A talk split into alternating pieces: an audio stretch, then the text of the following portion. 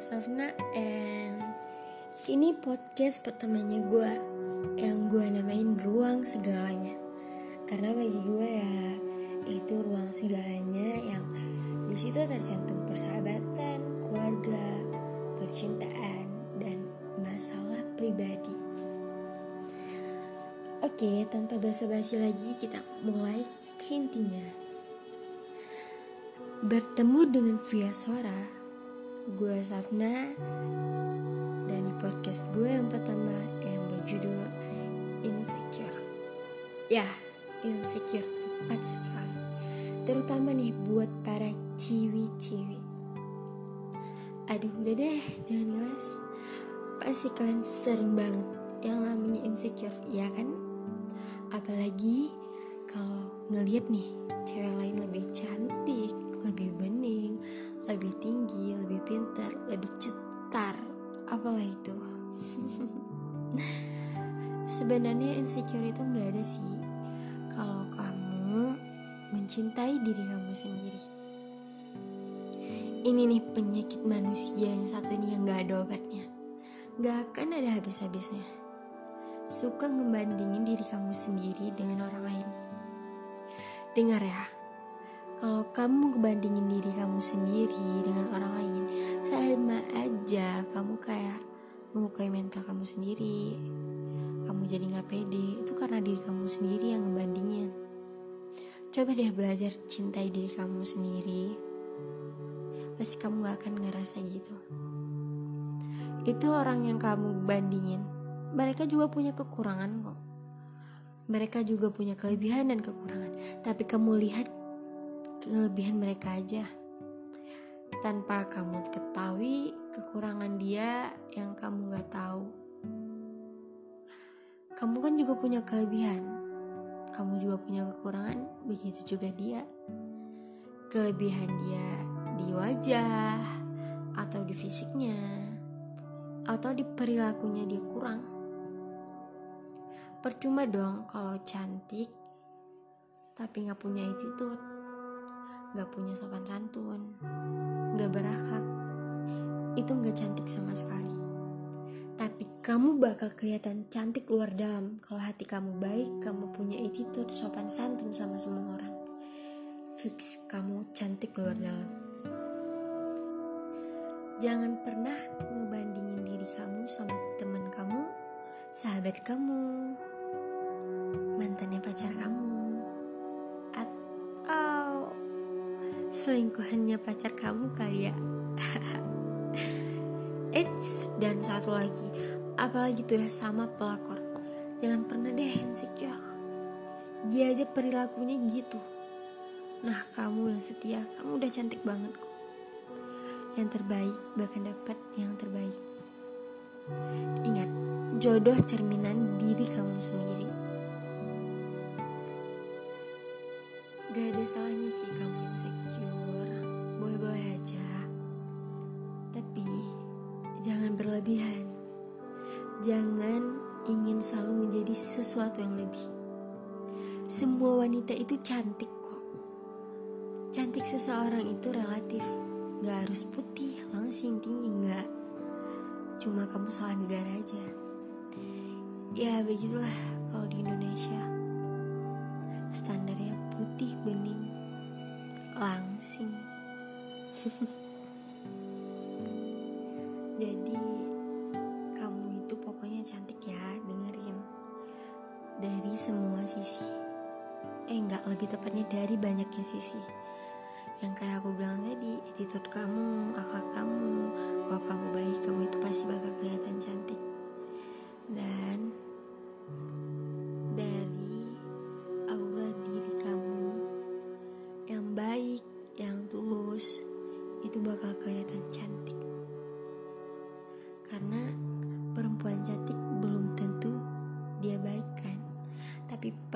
perempuan yang baik hatinya, dia bakal selalu cantik.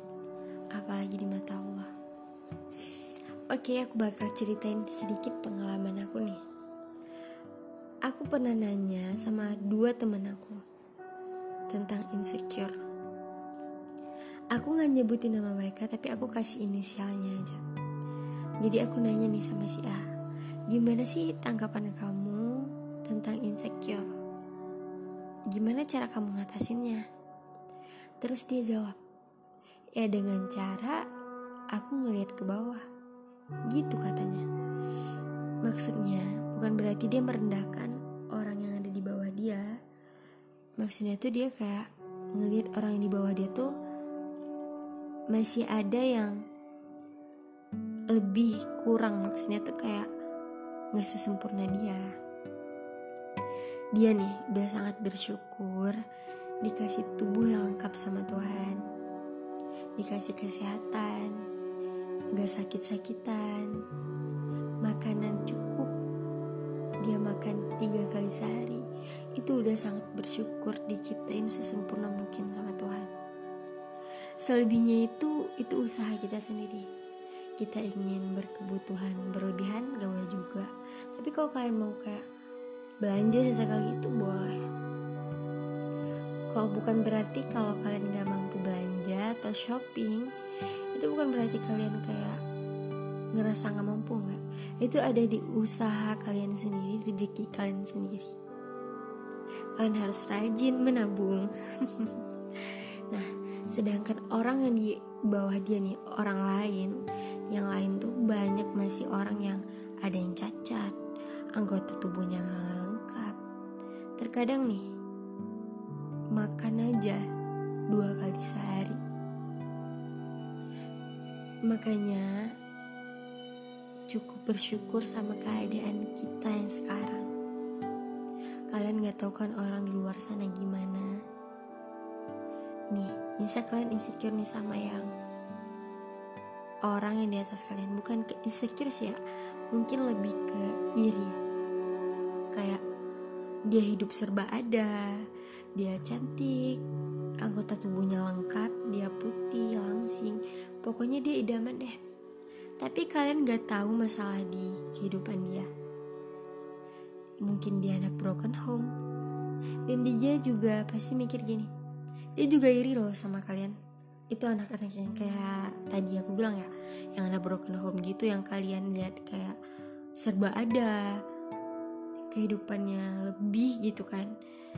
Dia iri banget pasti sama kalian yang hidupnya pas-pasan tapi keluarganya lengkap. Itu yang paling diirikan banget daripada harta. Keluarga itu lebih penting. Harta bisa dicari bareng-bareng tapi keluarga nggak ada gantinya.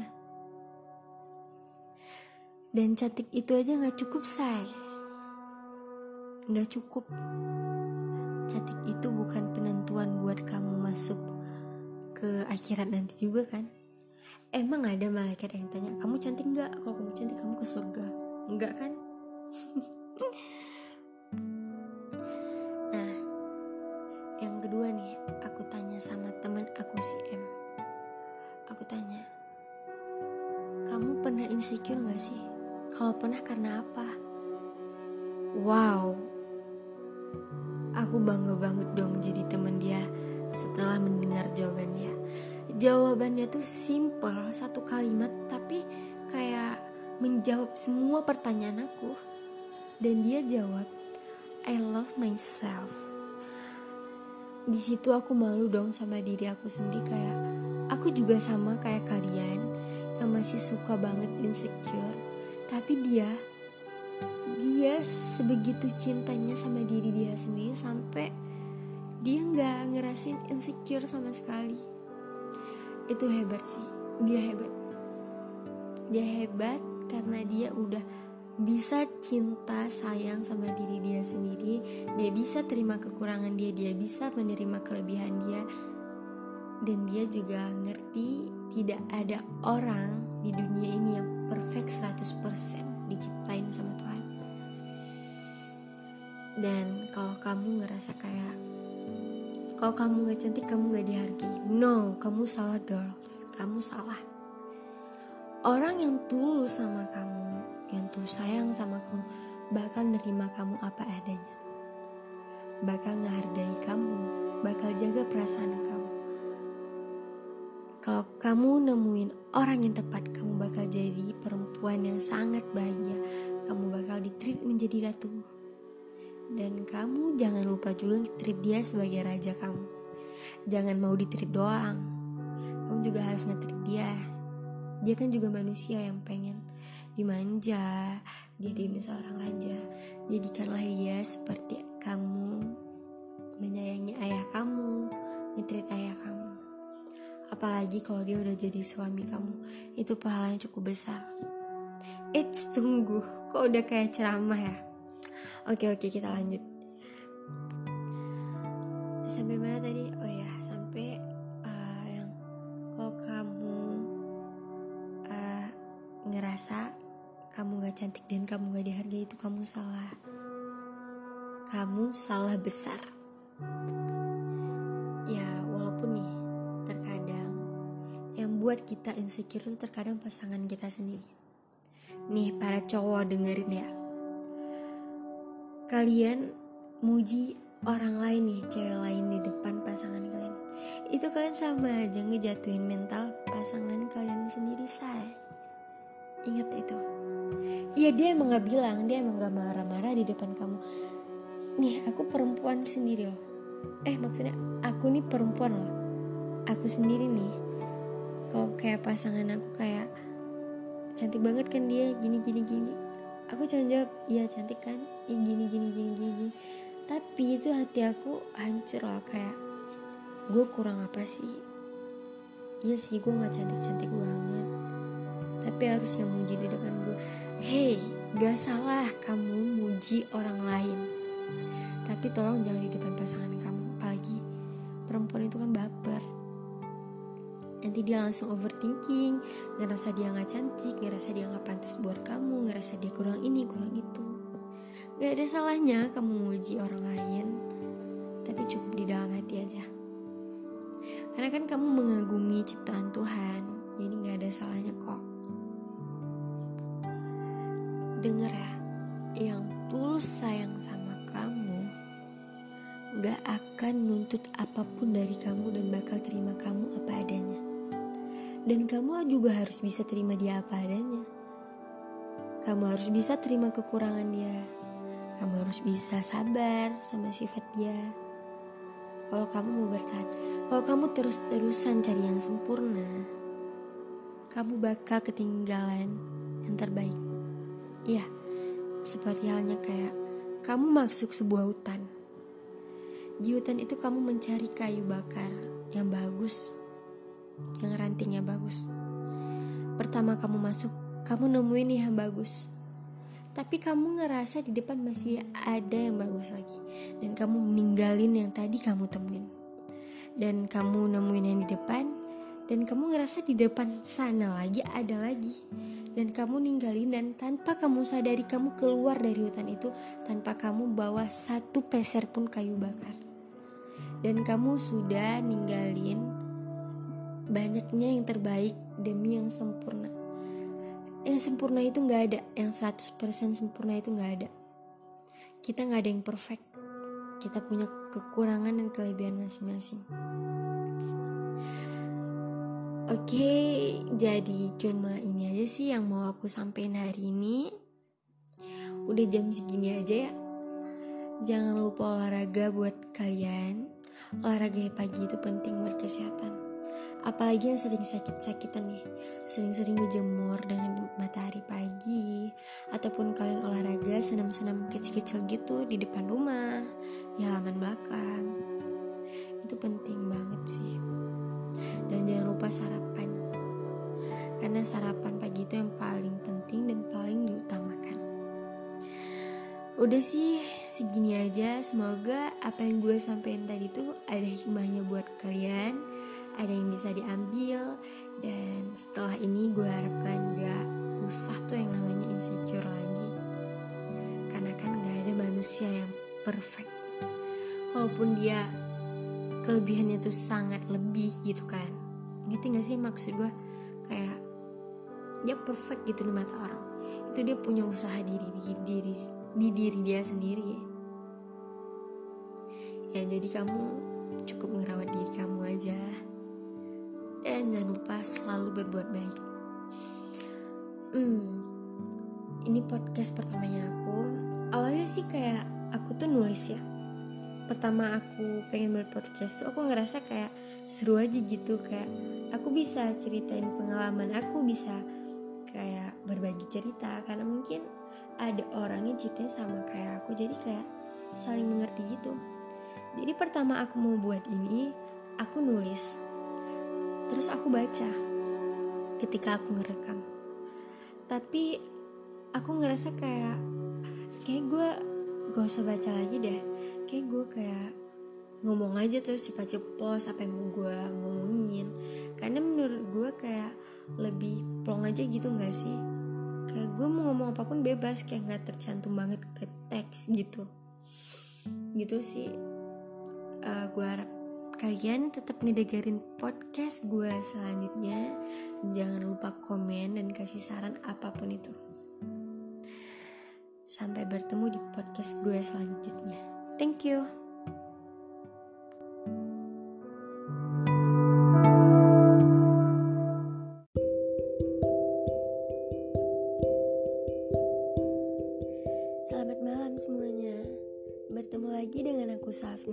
melalui via suara di ruang segalanya. Aku mau sedikit cerita nih tentang seseorang yang saat ini ada di samping aku. Dia adalah sosok yang selama ini support aku dalam keadaan apa pun. Dia gak pernah bosan mengingatkan aku akan hal-hal baik. Iya, dia seseorang yang spesial di hidup aku. Yang aku harapkan dia yang terakhir. Walaupun kita nggak boleh berharap, apalagi berharap dengan manusia. Tapi aku hanya ingin ini terakhir kalinya aku memulai dan mengenal cinta lagi. Emang sih mungkin bagi kalian kayak di tadi aku asik bilang cinta cinta cintamu. Ya bagi aku cinta itu penting dan itu bukan bercandaan. Karena cinta itu hal yang perlu dipertimbangkan. Kalau kamu main-main sama cinta, kamu bakal terbakar dengan cinta itu sendiri. Karena cinta gak bisa dimainin. Kalau kamu mainin, mental kamu bakal rusak. Cuma karena cinta. Kalau kejadian aku di masa lalu terulang lagi, aku sudah bilang pada diriku sendiri untuk tidak masuk ke dunia percintaan lagi. Karena aku sedikit jarak dan lelah untuk memulainya. Pertemuan aku dengan dia sama sekali nggak disengaja dan nggak direncanain juga. Bahkan, aku berpikir kami tidak akan pernah sama. Yang aku pikirin di saat itu, dia adalah seorang abang yang baik dengan aku. Dan aku berpikir kalau dia nggak sama sekali nganggap aku sebagai perempuan. Oke, aku bakal cerita awal pertemuan aku dengan dia. Pagi itu aku masuk rumah sakit. Posisinya tuh aku lagi di IGD dan aku lagi sendiri. Karena kebetulan ayah lagi keluar, ada urusan. Dan dia ngechat, dia nanya, lagi sama siapa di situ? Terus aku jawab, sendiri. Dan beberapa menit kemudian dia nyusul. Dia datang, dia ngajak aku ngobrol, dia nemenin aku sampai aku udah masuk di ruangan kamar.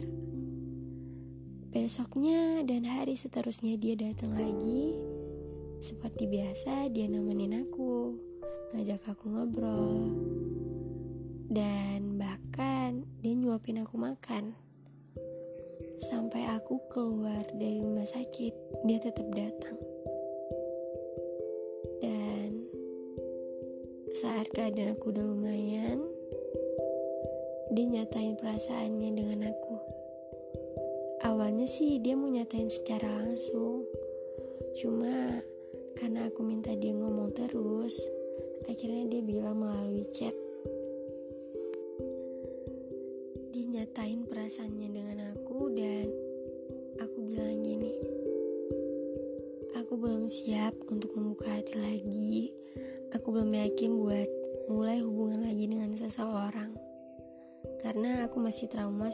Kejadian yang menimpa aku. Aku belum percaya sama siapa pun, dan dia gak masalah sama sekali dengan jawaban aku. Bahkan dia bilang, kalau nanti aku udah siap menerima orang lagi, bilang ke dia. Waktu pun berjalan, ya seperti biasa, dan dia pun ngajak aku jalan. Kami ke laut, dan kami juga ke puncak gunung. Ya, kami jalani kayak biasa gitu. Dan sampai waktu itu di pagi hari, sekitar jam 9 pagi, kami jogging bareng di lapangan. Kami jogging, pulang jogging, dia nanyain sama aku, gimana? Udah buka hati belum? Terus aku diam. Terus dia bilang gini, udah, aku cuma nanya kok, jangan dipikirin kali. Cuma aku mau bilang, aku bakal nungguin sampai akhir Februari ini. Kalau nggak ada jawaban juga, aku mau nyerah. Gitu katanya. Aku nggak masalah sih dia ngomong gitu. Perjuangan dia buat nungguin aku aja udah segitu bagi aku udah cukup. Aku ngerti kenapa dia batasin dan nungguin aku sampai akhir Februari karena dia juga punya trauma. Dia dekat sama seseorang bahkan berbulan-bulan, tapi nggak jadian. Dianya di ghosting. Jadi aku ngerti banget gimana perasaan dia. Setelah dia ngomong gitu, malamnya aku pikir matang-matang. Aku mikir, kesempatan gak akan datang dua kali kan? Dia juga udah berusaha buat yakinin aku buat memulai lagi. Aku gak mau sia-siain sesuatu yang belum tentu aku ke depannya bakal dapat yang gini lagi. Aku lebih memilih melakukan sesuatu dan akhirnya aku menyesal daripada aku gak ngelakuin sama sekali terus aku nyesal. Udah aku mikirin nih matang-matang. Besok paginya Aku ngejawab dan 22 Februari 2021 kami jadian. Kami jalani hari-hari kayak pasangan normal. Kami jalan, kami main bareng, bahkan kami makan siang bareng. Waktu dia pulang ngampus ataupun waktu aku pulang sekolah. Kami beda umur. Aku masih SMA dan dia udah kuliah. Tapi itu nggak masalah sih. Dan hubungan kami nggak jalan gitu aja nggak semulus yang orang-orang pikirin. Kami juga ada bertengkar lalu kami baikan lagi. Banyak deh cobaan di hubungan kami setelah beberapa bulan. Bahkan hubungan kami sempat renggang beberapa kali terus rapat lagi karena kami masih sama-sama mempertahankan. Sampai aku nih ya, misalnya aku lagi sendiri nih, aku pikir gimana ya kalau nanti aku udah gak sama dia, bakal sehancur apa aku? Karena aku gak akan pernah siap buat kehilangan lagi, tapi dengan syarat kalau suatu saat aku harus mengikhlaskan dia sama orang lain, aku bakal ikhlasin. Tapi kalau orang yang sama dia lebih sabar, lebih bisa ngertiin dia, lebih bisa hadapi semua sifat dia daripada aku, aku bakal ikhlasin itu dan bisa bawa dia ke jalan yang benar. Aku bakal ikhlasin dia sama orang itu. Tapi kalau enggak, aku nggak akan mengiklasin dia sama sekali. Yang bisa misahin kami tuh cuma ada dua. Satu takdir, satu ajal. Kalau yang misahin karena orang ketiga, aku bakal pertahanin dia ya semampu aku. Tapi kalau dianya udah gak mau, aku bisa apa ya kan? Karena kebahagiaan dia itu penting. Face dalam mencintai itu kan mengikhlaskan yang tertingginya. Pokoknya aku cuma mau bilang makasih banget udah hadir di hidup aku. Aku beruntung bisa kenal sama dia, bisa memiliki dia seutuhnya. Pokoknya, makasih banget udah ngetreat aku layaknya seorang ratu. Ini bukan tentang seumuran, lebih tua atau lebih muda. Ini tentang menyeimbangkan hidup dan bisa berjalan beriringan yang memberi kenyamanan hati, kenyamanan di sisi, dan kasih sayang tiada henti. Tentang tertawa bersama, saling support, dan mendoakan satu sama lain. Berbicara lepas, tak terbatas, dan berpikir ini pantas atau tidak. Ketika dunia begitu kejam, dia menjadi tempatmu untuk selalu pulang. Yang bisa membantumu sangat sabar dan berusaha mengerti meskipun sulit. Menerimamu apa adanya, meski kamu cuma seadanya. Masa lalunya nggak begitu dipermasalahkan, karena aku tahu itu yang membentuknya sekarang. Kekurangan masing-masing adalah tugas kami bersama untuk belajar, saling menerima, dan memperbaiki agar ke depannya ya bakal jadi lebih baik lagi. Aku bakal selalu bersyukur bisa punya dia sekarang. Aku cuma berharap Tuhan bisa izinin aku jalin masa depan bareng dia. Oke, dari yang semua aku cerita, ada yang bisa diambil sih. Poin pertama, jangan pernah memulai hubungan baru lagi kalau kamu masih tersangkut dengan masalah di masa lalu kamu. Karena nanti orang yang yang bakal sama kamu bakal kasihan. Karena dia nanti bakal seolah-olah jadi pelampiasannya kamu. Yang kedua, jangan sia-siain kesempatan seseorang yang udah perjuangin kamu. Kesempatan gak akan datang dua kali loh. Dan kamu harus lebih memilih melakukan sesuatu dan kamu menyesal daripada kamu gak pernah ngelakuin itu sama sekali dan kamu menyesal. Itu tapi ada di diri kalian sendiri gimana maunya.